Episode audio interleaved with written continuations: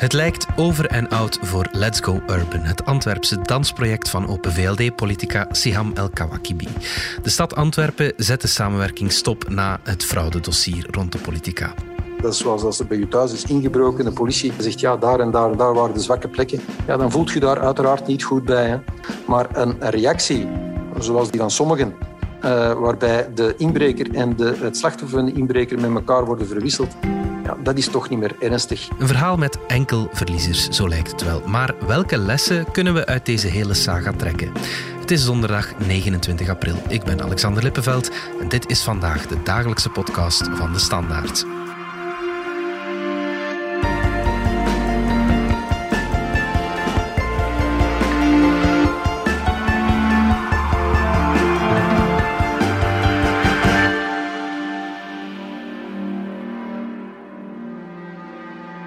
Brinkman van onze politieke redactie. De stad Antwerpen stopt de samenwerking met Let's Go Urban. En daarmee worden ook alle subsidies stopgezet. Wat betekent dat voor het dansproject? Dat het over en out is. Uh, niet alleen is er geen geld meer, er is ook geen lokaal niet meer, want ze mogen niet langer het, uh, het speciaal gebouwde en gerenoveerde Kielpark gebruiken. Mm uh, dus ze staan op straat. Ja, de voorlopig bewindvoerder die is nog een maand aan het werk. Wat gaat hij wat gaat nog doen?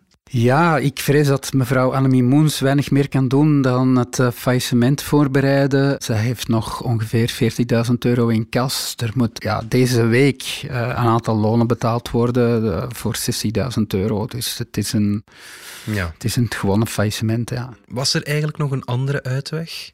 Dat denk ik niet. Deze VZ2 is de facto failliet, dus er moest iets anders komen dan. Alleen dat kost tijd. De stad werkt misschien nog aan een, aan een tussenoplossing.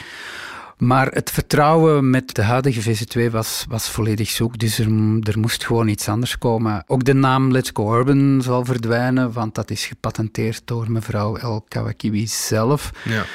En het ziet er niet naar uit dat zij dat nog ergens kan vermarkten, want ik denk dat die naam wel redelijk verbrand is. Ja, ja, ja, dat lijkt mij ook wel. Maar wellicht komt er wel een vervanger voor, uh, voor, voor Let's Go Urban, want het had wel zijn plaats in de Antwerpse samenleving. Hè? Dat is in ieder geval de belofte van het stadsbestuur. Tijdens de gemeenteraad uh, maandagavond werd ook voortdurend beklemtoond dat de werking uitstekend was. Mhm. En dat het jammer zou zijn mocht daar niets meer gebeuren. Het, het gaat om ook uh, om de om het Kiel. Dat is een wijk in het zuiden van Antwerpen met een hele hoge vertegenwoordiging van, van allochtone uh, burgers. Dus er is wel een, laten we zeggen tussen aanhalingstekens, een markt voor zo'n mhm. werking. Alleen, het is de vraag, gaat dat nog een dansproject zijn? Dat, dat weten we eigenlijk niet. Nu, Let's Go Urban deed wel meer, deed ook aan huiswerkbegeleiding en, en gaf ook andere cursussen. Maar ja, de toekomst uh, zal het uitwijzen. Ja, ja, ja, er kwam heel wat kritiek op de manier waarop de subsidiestromen naar uh, Let's Go Urban eigenlijk amper gecontroleerd werden. Waar liep dat mis? Dat liep mis omdat er een, een zeer sterke vertrouwensband was ontstaan tussen uh, mevrouw El Kawakiwi en, en de rest. En dat beperkt zich niet tot de stad. Het is iemand met een zeer grote uitstraling, veel charisma, goed ter tong, alles wat je wil. En veel mensen hebben zich uh, tussen aanhalingstekens laten inpakken door haar mhm. verhalen. En dus ja, dan, dan krijg je een soort van vergeleiding waarbij men minder alert is, waarbij men ervan uitgaat dat het allemaal in orde is, omdat men dan kijkt, ja goed, die bedrijven gaan ervan uit dat het in orde is. Let's Go Urban had ook een raad van bestuur met toch een aantal mensen die ervaring hadden in de sector. Dus ja, men dacht, het loopt allemaal op wieltjes. Ja, maar hoe dan ook, hoe sterk dat vertrouwen ook is, ergens moet er toch een automatische controle ingebakken zijn, want het gaat wel om publiek geld. Ja, en dat is natuurlijk de grote les die men trekt, dat men eigenlijk altijd een, laten we zeggen, een gezonde achterdocht moet houden. Zelfs al gaat het om projecten die door iedereen worden bewierookt. En dat is eigenlijk ook de norm die de stad uh, zich stelt. Heel veel organisaties, uh, jongere organisaties ook, worden zeer strikt gecontroleerd. Ik heb zelfs verhalen gehoord van bepaalde uh, monitors die feestjes uit uiteindelijk maar uit eigen zak betalen, omdat ze het anders toch niet geregeld krijgen. Die bij wijze van spreken elk telefoongesprek met een gsm moeten verantwoorden. Okay. Dus er is wel veel controle. Alleen is die controle weggevallen, of voor een groot stuk weggevallen bij Let's Go Urban. Ja. Wie treft hier schuld? Ja, dat is natuurlijk een moeilijke vraag, omdat in principe is de verantwoordelijkheid ligt die bij politici. Het zijn natuurlijk ambtenaren die de controle hadden moeten uitvoeren, maar het zou bijzonder onfair zijn om, om de verantwoordelijkheid alleen maar bij die ambtenaren te leggen. Een deel van het project zat ook wat fout. Hè. Dus een, een deel van de subsidies, of beter gezegd eh, van de, van de investeringstoelagen, waren bedoeld voor de bouw en renovatie van een eigen zaal. Dat is natuurlijk een zeer technisch ding. Je kan niet verwachten van een ambtenaar van de dienst jeugd dat hij daar alle ins en outs uh, goed kent. Dus normaal gezien zou dat bij vastgoed moeten zitten. Alleen, ja, die mensen hadden blijkbaar onvoldoende personeel om dat op te volgen. Het is toch een bouw van 3,5 miljoen euro, dus dat is veel geld. Dat is geen tuinhuis dat, dat wordt gezet. En dus dat creëert een soort window of opportunity. En dat is dan blijkbaar ook uh, gebruikt. Enfin, dat vermoedt men dan toch om een aantal dingen aan te kopen die dan niet in dat uh, lokaal zijn terechtgekomen, maar wel in Gigi House, een, een commercieel initiatief. Zoals die uh, beruchte keuken. Plots ging het over een privékeuken die ik betaald zou hebben met subsidiegeld. Fout. Plots ging het over 340.000 euro richting een onduidelijke bestemming. Fout. Plots klonk het dat mijn stilzwijgen een schuldbekentenis zou zijn. Fout. Zoals de beruchte keuken, zoals planten van uh, tot 6 meter hoog, zoals uh, trendy meubilair dat eigenlijk niet past in een jeugdhuis, hoe netjes die ook gerenoveerd mogen zijn. Mm -hmm. Is het een systeemfout, Bart? Is dit maar het topje van de ijsberg? Ik vind niet dat dit een systeemfout is. Mhm. Ik denk dat het systeem eh, op zich goed is, alleen is het niet goed toegepast. En het is een, laten we zeggen, een menselijke fout. Het is een fout gebaseerd op vertrouwen, uh, of beter gezegd, een fout die het gevolg is van vertrouwen, misplaatst vertrouwen achteraf. Daarvoor moet je niet alles op de schop gooien. Uh, men, men moet gewoon een gezonde achterdocht houden. Ik, ik zeg ook wel gezond, men moet niet alles gaan wantrouwen, want dat zou ook, ook jammer zijn. Men moet ook naar bepaalde organisaties een bepaalde naïviteit houden. Ik bedoel, het zijn jongere organisaties. Je kunt niet verwachten dat die gerund worden als een bedrijf. Maar een, een gezond wantrouwen is wel op zijn plaats. En dan denk ik, had toch wel een en ander vermeden kunnen worden. Ja. Is dat de belangrijkste les voor het Antwerpse stadsbestuur? Ik denk het wel. Uh, we moeten ook opletten, dit gaat niet over gigantische bedragen. Uh, de stad komt nu uit bij 500.000 euro, maar dat is echt worst case scenario. Okay. Ik denk dat nog heel wat kosten die nu verdacht zijn een bepaalde uitleg zullen krijgen. Dus we zullen hoe dan ook een stuk lager landen. En een tweede zaak die we niet mogen vergeten, heel wat geld is gegaan naar de bouw en renovatie van, van de eigen zaal, het Kielpark. Mm en dat ding staat er natuurlijk. Dat is eigendom van de stad. Dus de stad uh, heeft nu een fonkelnieuw gerenoveerd gebouw en kan daar een bepaalde werking organiseren. Dus dat geld is niet verloren. El Kawakibi reageert nu verslagen op het nieuws dat de samenwerking wordt stopgezet. In een Instagram-post zegt ze dat ze geen eerlijke kans kreeg om te reageren op de aantijgingen en dat de sloopkogel klaar stond, zo zegt ze. Voelt ze zich terecht geviseerd? Ik wil daar dubbel op antwoorden. Aan de ene kant begrijp ik haar. Begin februari is een voorlopig bewindvoerder aangesteld en werd zij eigenlijk uh, uit haar eigen organisatie gezet. Mm Kon ze geen enkele verantwoordelijkheid niet meer uitoefenen. En dan is het natuurlijk heel frustrerend dat alles verloopt zonder dat je ook maar de gebeurtenissen nog kan beïnvloeden. Mhm. Dus, dat ik, dus dat begrijp ik ergens wel. Aan de andere kant heeft ze natuurlijk ontelbaar veel kansen gemist om haar verantwoordelijkheid te nemen. Mhm. Want we mogen niet vergeten, dit verhaal is eigenlijk een jaar geleden begonnen bij een raad van bestuur die, vermits we in coronatijd leefden, toch het vreemd vond dat de werking eigenlijk stil lag, maar dat er toch nog eh, veel financiële operaties waren. Mhm. En toen is uh, mevrouw El Kiwi daarmee geconfronteerd. Uh, is zij in een egelstelling uh, gekropen.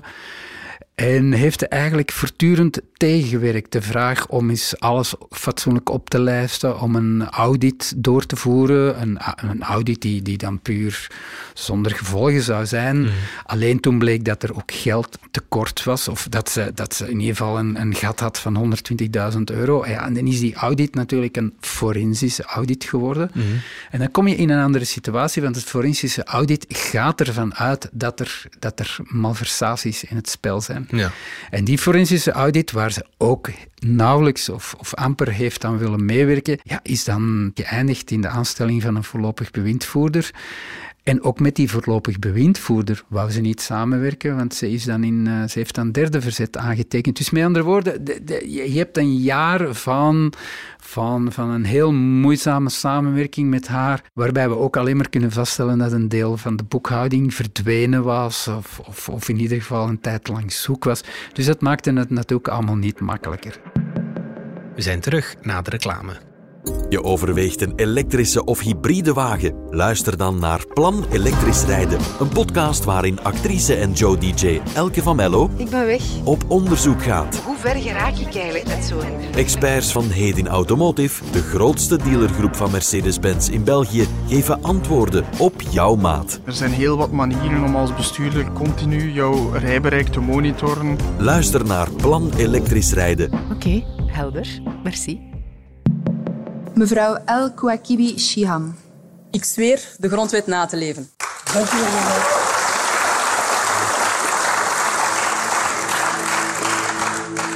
Ze werd bij de verkiezingen van 2019 binnengehaald door Open VLD als een beloftevol wit konijn, wordt dat dan genoemd. Was de partij niet kritisch genoeg toen ze haar binnenhaalden? Ja, maar we waren allemaal niet kritisch genoeg. Eh, de media was niet kritisch genoeg, andere bedrijfsleiders waren niet kritisch genoeg, eh, de NVA in Antwerpen was niet kritisch genoeg, want alle betrokken schepen waren van die partij, tot en met de burgemeester. En dus ook Open VLD was niet kritisch genoeg, een beetje negatief uitgedrukt. Men heeft zich laten inpakken. Hmm. El Kouakibi heeft natuurlijk ook wel hard to get gespeeld, waardoor ze haar prijs kon opdrijven, waardoor ze natuurlijk ook een flink budget kreeg om uh, campagne te voeren. Een zaak waar we het een paar weken geleden nog over hadden, wat mhm. dan toch ook nogal wat media-aandacht heeft gekregen. Dus ze heeft het goed gespeeld. Alleen, ja, wat je ook toch wel moet vaststellen, is dat uh, het eerste jaar van haar politiek mandaat heeft eigenlijk bijna niks gedaan. Mm. Is ze alleen in de, in de media gekomen omdat ze een keer tegen de eigen meerderheid heeft gestemd. Dat is sympathiek voor de oppositie, maar ja, als lid van de meerderheid maak je je daarmee zeker niet geliefd. Mhm. En daarna is ze heel snel uh, ziek gevallen. Dus ik ben zelf, uh, verdedig ik nogal de, de intrede van witte konijnen. Politiek mhm. is een vrij gesloten systeem, waarbij carrières soms beginnen in de twintiger jaren en dat de mensen dan tot hun pensioen, bij wijze van spreken, aan politiek doen. Dat is niet altijd goed. Politiek mhm. heeft, heeft nood aan frisse mensen die elders al ervaring hebben opgebouwd, die, die dus geen beroepspolitici zijn.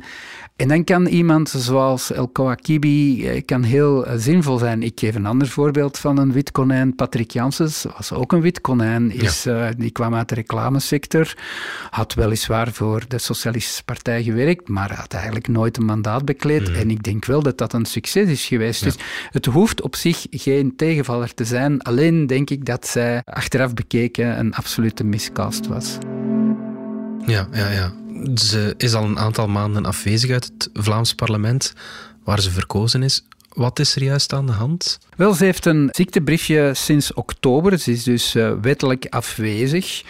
Volgens haar advocaat uh, zal ze zeker tot eind mei afwezig blijven. Uh, die verwijst daarbij naar de mediaheisa, die het voor haar heel moeilijk uh, maakte om te functioneren. Dat blijft hoe dan ook een wat merkwaardig argument. er zijn wel meer politici die in een mediaheisa terechtkomen. Dat is eigen aan de job, denk ik. Zijn voor een stuk eigen aan de job. En het is natuurlijk een mediaheisa die ze voor een stuk zelf, of voor een groot stuk, of voor volledig eigenlijk zelf ook in de hand heeft gewerkt. Dus ja. een beetje een merkwaardig argument. Maar goed, wie weet uh, komt ze begin juni terug opdagen. Ja. Je zou natuurlijk kunnen zeggen, je zou voor minder ziek zijn als je in zo'n storm uh, terecht geraakt. Dat is waar, ja. ja dat ga ik niet ontkennen. Ja, ja, ja. Er komt nu heel veel kritiek op het feit dat ze al maandenlang doorbetaald wordt zonder enig loonverlies. Als jij en ik ziek zijn, Bart, dan is dat niet het geval. Dan vallen wij terug op, uh, op de ziekenkas. Waarom is dat voor een parlementslid wel zo? Omdat jij en ik gewone werknemers zijn. En um, een politicus is geen werknemer. Een uh, politicus krijgt een vergoeding, geen loon. Hij moet van die vergoeding ook zijn eigen ziekteverzekering uh, betalen. Is dus eigenlijk ook een beetje zijn eigen werkgever, bij wijze van spreken. Die ziekteverzekering wordt weliswaar uh, gecompenseerd door het parlement. Een, een politicus kan ook, heeft ook geen recht op een werkloosheidsuitkering. Hij krijgt dan een uitredingsvergoeding wanneer hij niet herkozen wordt. Dus een politici hebben een apart statuut. En dat betekent dus dat je eigenlijk alleen maar financieel gesanctioneerd wordt wanneer je afwezig blijft bij stemmingen. Mhm. En die zijn elke woensdag, dus je kan dat eigenlijk perfect plannen. En dus bestaan er politici, er zijn een aantal voorbeelden van, die alleen maar op woensdag komen, omdat ze dan stemmen en omdat ze dan weten dat ze geen loonverlies lijden. Ja. Alleen als je ziek bent, heb je, men noemt dat dan wettig afwezig. En dus uh, dat wordt altijd ook uh, genotuleerd op woensdag. De mhm. mensen die wettig afwezig zijn. En dan telt die regel niet en dus word je volledig uh, doorbetaald. Met dat als extra, dat als je een onafhankelijk parlementslid bent, dan betaal je ook geen afdrachten aan je partij. Ja. En dan verdien je gewoon meer. Ja, ja, ja. Er zijn partijen die nu willen dat er een controlearts naar El Kawakibi uh, gestuurd wordt. Hè? Is, dat, uh, is dat denkbaar dat dat gebeurt? Ik moet het nog zien gebeuren. Men gaat eigenlijk eerst juridisch advies inwinnen of het eigenlijk kan. Um, in elk geval, mocht het kunnen, zou het de eerste keer zijn, bij mij weten in de geschiedenis, dat een politicus die in het parlement zit, een controlearts op bezoek krijgt. Want ik, kan, ik kan het me echt niet voorstellen of dat het al ooit gebeurd is, ook in andere parlementen trouwens, omdat het een, het is een zeer unieke situatie. Je hebt wel meer politici die lang ziek zijn, maar daarvan weet men dat ze ziek zijn. Hier is er gewoon een vermoeden dat ze niet ziek is, al was het maar omdat ze toch een zeer goede indruk maakte tijdens een persconferentie twee maanden geleden van haar raadsman Johan van der Lotte. Maar hoeveel heeft ze daar nu van in haar eigen zak gestoken? Hè? Want dat is tenslotte wat iedereen zich afvraagt. Hè? Dat is, uh, en ik zeg niet afvraagt, maar er vast van uitgaat. En ik wou eigenlijk niet liever dan eh, op de kathedraal of op de boerentoren kruipen om op het hoogste dak van Antwerpen eigenlijk te zeggen er is op geen enkel moment een persoonlijke verrijking geweest met de middelen van Let's Go Urban VZ2. En er zijn geen onrechtmatig gebruik gemaakt van overheidsmiddelen. Ik wil er wel dit bij zeggen. We, in C weten we het niet omdat we zijn geen dokters. En als je zou zeggen dat ze onterecht een ziektebriefje heeft, dan mhm. zeg je eigenlijk meteen dat een of andere dokter een valsheid in geschriften heeft gepleegd. Dus ik wil voorzichtig zijn.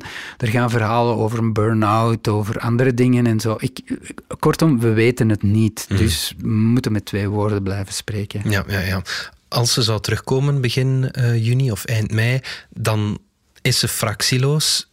Ik kan me voorstellen dat het geen pretje is voor haar om, om, om terug in dat parlement uh, te gaan zitten na heel die heisa. Nee, dat... Uh, je wordt met de rug aangestaard, hè? Je, je, dat, dat is het minste. De media-aandacht zal navenant zijn.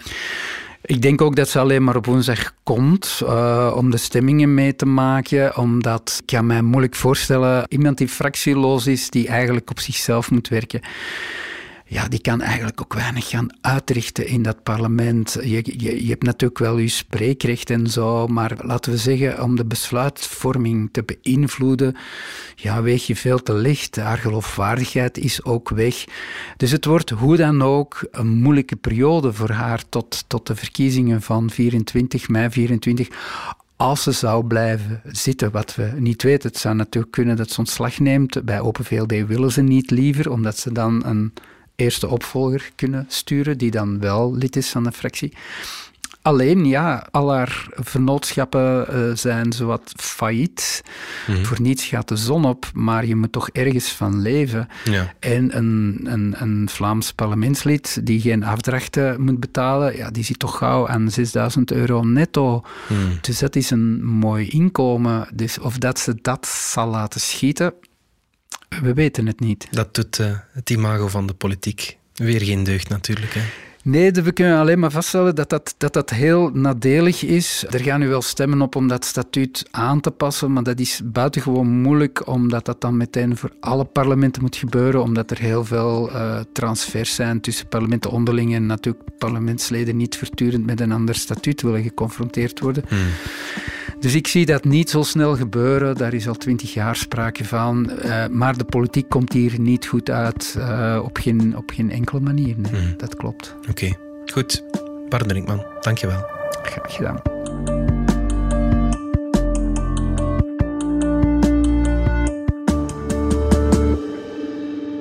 En ondertussen komt hier iemand anders binnengewaaid. Marian Justaert, eindredacteur bij ons podcastteam. Normaal gezien zitten wij regelmatig samen in de studio, maar de laatste weken of maanden was dat wat minder. Hè? Ja, zeg maar maanden. Hè? Ja, uh, onze collega Joris van Damme en ik, mm. wij hebben ons uh, ja, toch wel maanden bezig gehouden met een nieuwe podcastreeks. Ja. Waar jij al iets van gehoord hebt, Alex. Ik heb er al iets van uh, gehoord. En ze heet dus Buitenbaan. We zijn heel fier om ze eindelijk te kunnen lanceren. Mm -hmm. Buitenbaan gaat over gewone mensen met een buitengewoon verhaal. Ja, oké. Okay. Geef eens een voorbeeld, want ergens is dat wat vaag. Hè? Ja, dat is ook wel waar.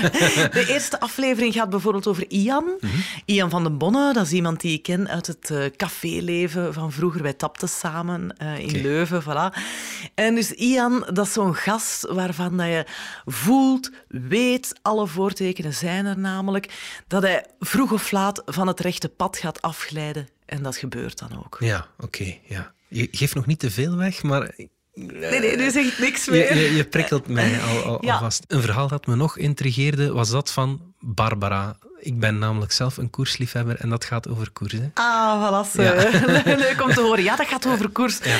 Barbara werd op haar veertigste, vorig jaar, uitgedaagd door haar eh, bloedeigen volwassen zoon um, om eens een koers te rijden. Hij daagde zijn kettingrokende moeder uit uh, om een uh, tijdrit te rijden mm -hmm. bij de profs, bij de vrouwelijke okay. profs natuurlijk.